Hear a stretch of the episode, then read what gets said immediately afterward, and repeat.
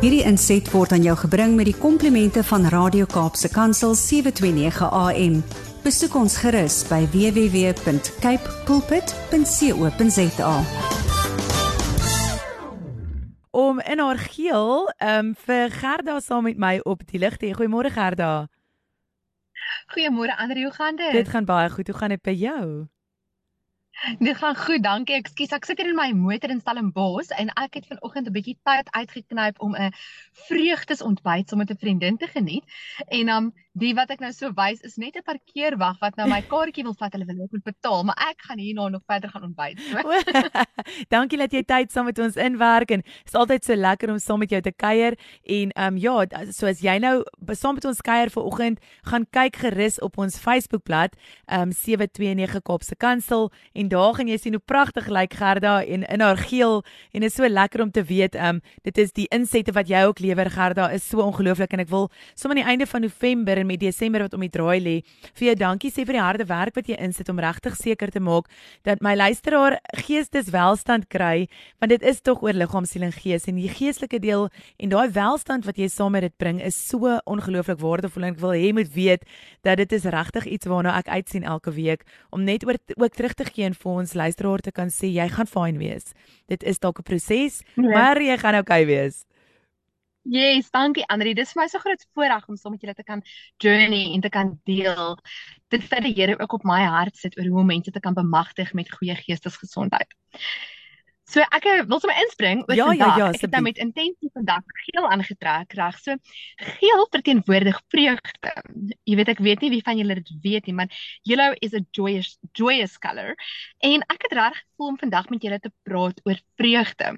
Ons gaan nou in die feesseisoen in en die liedjie van Joy to the World is all around us. En tog is Desember maande 'n tyd wanneer die meeste mense besonder min joy voel. Desember is dikwels vir um, vir baie mense eintlik 'n tyd wat hulle regtig swaar kry. Hulle emosies is baie aangetast. Hulle dink aan geliefdes wat hulle verloor het. En vreemd genoeg is dit 'n tyd van die jaar wanneer ons as sielkundiges nogal sien mense se geestestoestand afneem. En ek het baie al hieroor gewonder. Al die jare wat ek as 'n sielkundige werk, sien ek hierdie tendens keer op keer. En in Januarie vloei almal na die kantore toe om te sê dit was Kersfees en dit was verskriklik aaklig. Dit was so sleg. Jy weet my verwagtinge was so gewees en dit het nie gewerk nie of daar's familiekonflik wat jare lank net nie opgelos is nie. En ek het ek het regtig bietjie gedink oor die konsep van vreugde. Wat beteken vreugde? En hoe kan ons dit in ons lewens kweek ongeag van ons omstandighede?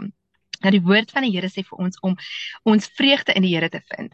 Maar dit is baie moeilik wanneer ons omstandighede vir ons voel asof ons lewens uitmekaar val of ons omstandighede vir ons soos 'n drukpot voel en ons voel dit word warmer en ons kan net nie uitkom nie. We just can't get any joy out of life.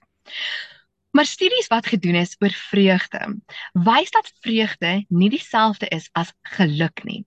Goed, en as ek nou sê geluk, dan praat ek nou van die Engelse happiness, okay? Um ek wil onderskeid maak tussen die twee. Baie mense kom in my kantoor en dan sê hulle vir my, I just don't feel happy anymore. Uh, I don't have any happiness in my life. En dan sê ek vir hulle, wel weet, happiness is a fleeting emotion. Joy is a state of mind. En dit is 'n verskil. Daar is 'n gevoel van tevredenheid wat saam met vreugde kan saamgaan. En vreugde kan jy ervaar ten spyte van jou omstandighede. Dit is interessant want ons sien dit as sielkundiges en en die studies wat gedoen word daaroor bevestig dit dat om vreugde te ervaar, moet jy intentioneel doelbewus die keuse maak om met jou omstandighede interaksie te hê op 'n manier wat jy kan beheer. Dit is wat vreugde bring.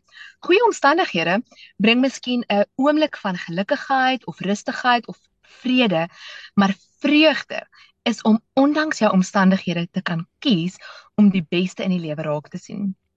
Ek wil ons luisteraars uitdaag as jy hierdie vakansie twee boeke op jou Kersfees wenslysie kan sit of as jy twee boeke wil lees oor hierdie feestyd. Die eerste een is Man's Search for Meaning van Viktor Frankl. Die tweede een is The Gift van Edith Eger. Um ek jok The Choice. The Choice is die enetjie. Albei van hulle, um beide Edith Eger en Viktor Frankl, was slagoffers van die Tweede Wêreldoorlog en beide van hulle was in Auschwitz in die konsentrasiekampe en beide van hulle het dit oorleef. Nou Viktor Frankl was op daardie stadium reeds 'n sielkundige en hy het besluit dat in die konsentrasiekamp kan hulle alles van hom wegvat. Sy menswaardigheid, sy hare, sy klere, sy besittings, sy familie en hy het alles verloor. Maar hulle kan nie sy keuse oor hoe hy in die omstandighede gaan reageer van hom wegneem nie. En hy het gesê dit is ware vryheid. Ware vryheid lê daarin om te kan kies hoe jou reaksie op jou omstandighede is. Edith Eger het baie verloor in die konsentrasiekamp en sy het haar omstandighede het haar platgeslaan, ondergekry. Sy het jare later eers vrede gemaak en die keuse uitgeoefen om weer te kyk na haar omstandighede in die konsentrasiekamp en die feit dat sy dit deurgemaak het. So sy het haar fokus geskuif weg van almal en alles wat sy verloor het en eerder gefokus op dit wat sy deurgemaak het, dit wat sy geleer het en dit wat sy oorgehou het. Haar suster het saam met haar deur die konsentrasiekamp gegaan en hulle albei het nog gelewe. Haar suster is nou 2 weke gelede oorlede op die ouderdom van 95. En ehm um, sy skryf nou, sy het later in haar lewe studeer en sy het later in haar lewe sielkundige geword jare na die oorlog. En sy skryf nou boeke waarin sy mense motiveer om die keuse uit te oefen om hulle hulle eie reaksie in hulle omstandighede te kies. En dit is wat vreugde vir ons bring.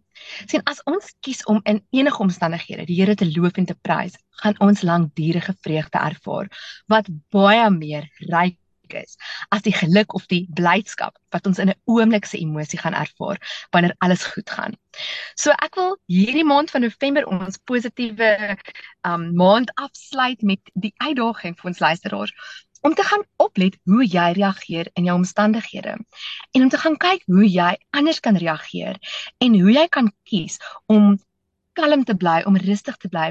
Jy het nie 'n keuse oor die dinge wat in jou lewe met jou gebeur nie, maar jy het 'n keuse hoe jy reageer. Hmm. En daardie keuse maak die verskil tussen vreugde of verdriet.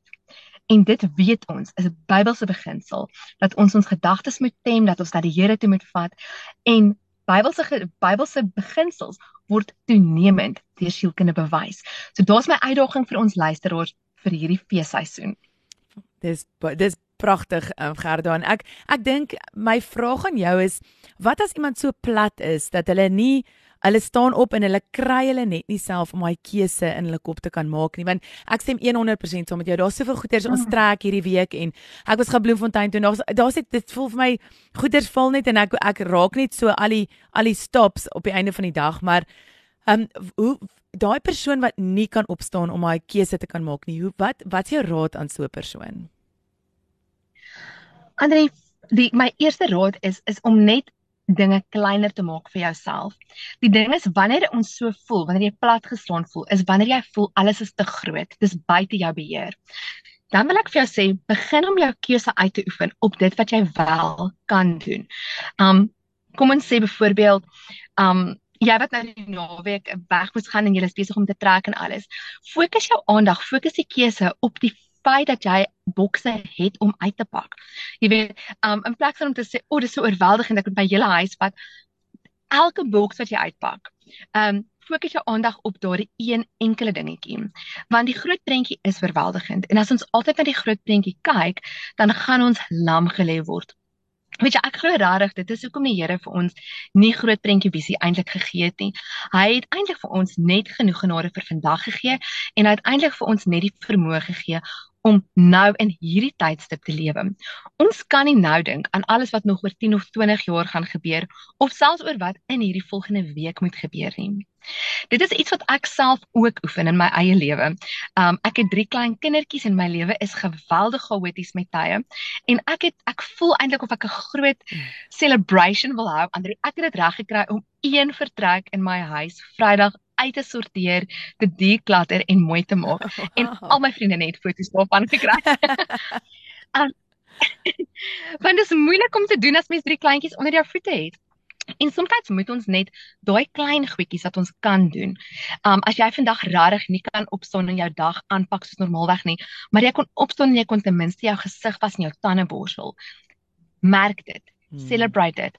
Hoe meer ons dit oefen, hoe meer word dit 'n spier in jou brein, hoe meer word daar 'n nuwe neurologiese baan in jou brein, brein gebou. So hoe makliker en makliker word dit. Wow. Ja, ek dink dit is bitter belangrik dat jy net daai een stapie daar's daai prentjie ook van so julle stel trappe wat so voor jou is, maar as jy daai eerste stapie net kan vat en dit kan celebrate en dis waar wat jy sê want ek kyk vir my vas in die boks wat nog gepak moet word. Maar as ek kan begin fokus op daai boks wat ek gaan uitpak en waar gaan ek hom uitpak, dan verander dit mense mindset heeltemal. En ek dink daar's soveel mense wat lam gelê word, presies wat jy sê Gerda, van mense wat regtig moeg is. Moeg vir die jaar, moeg vir dinge. Iemand het dalk mm. werk verloor soos dit jy genoem het.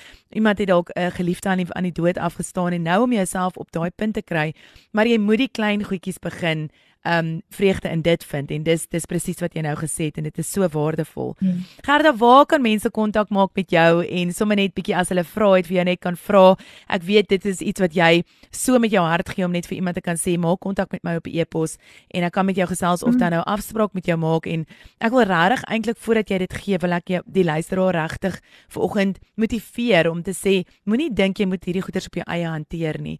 Daar is mense soos Gerda wat in daai posisie geplaas is om jou te kan help om daai stap te vat. Jy hoef dit nie en ek weet daar was so groot stigma nog altyd aan. Oh, jy moet met 'n sielkundige gaan praat. Ooh nee, ek het 'n sielkundige. Weet jy wat vir my is dit soos 'n haarkapster en soos 'n persoon wat my tandarts. Dis dinge wat mense voorgestudeer het wat daar sit om te sê ek kan jou help en dis obviously baie groter as hare en, en tande wat ons moet doen. Dis vir jou geestestoestand, dit is vir iets wat jy vir jouself terug ja. doen, terugsit. So Gerda, waar kan mense kontak maak met jou?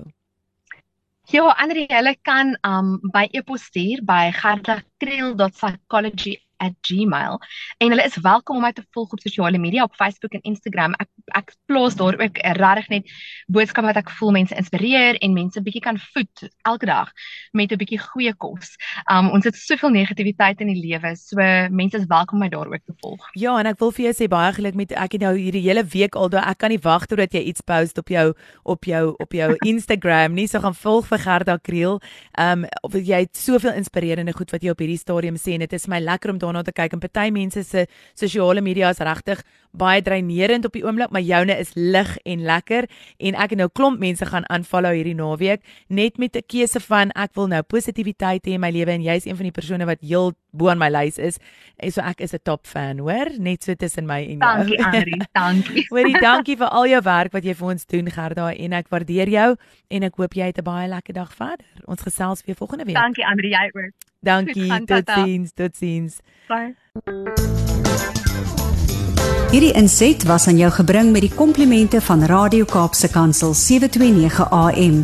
Besoek ons gerus by www.cape pulpit.co.za.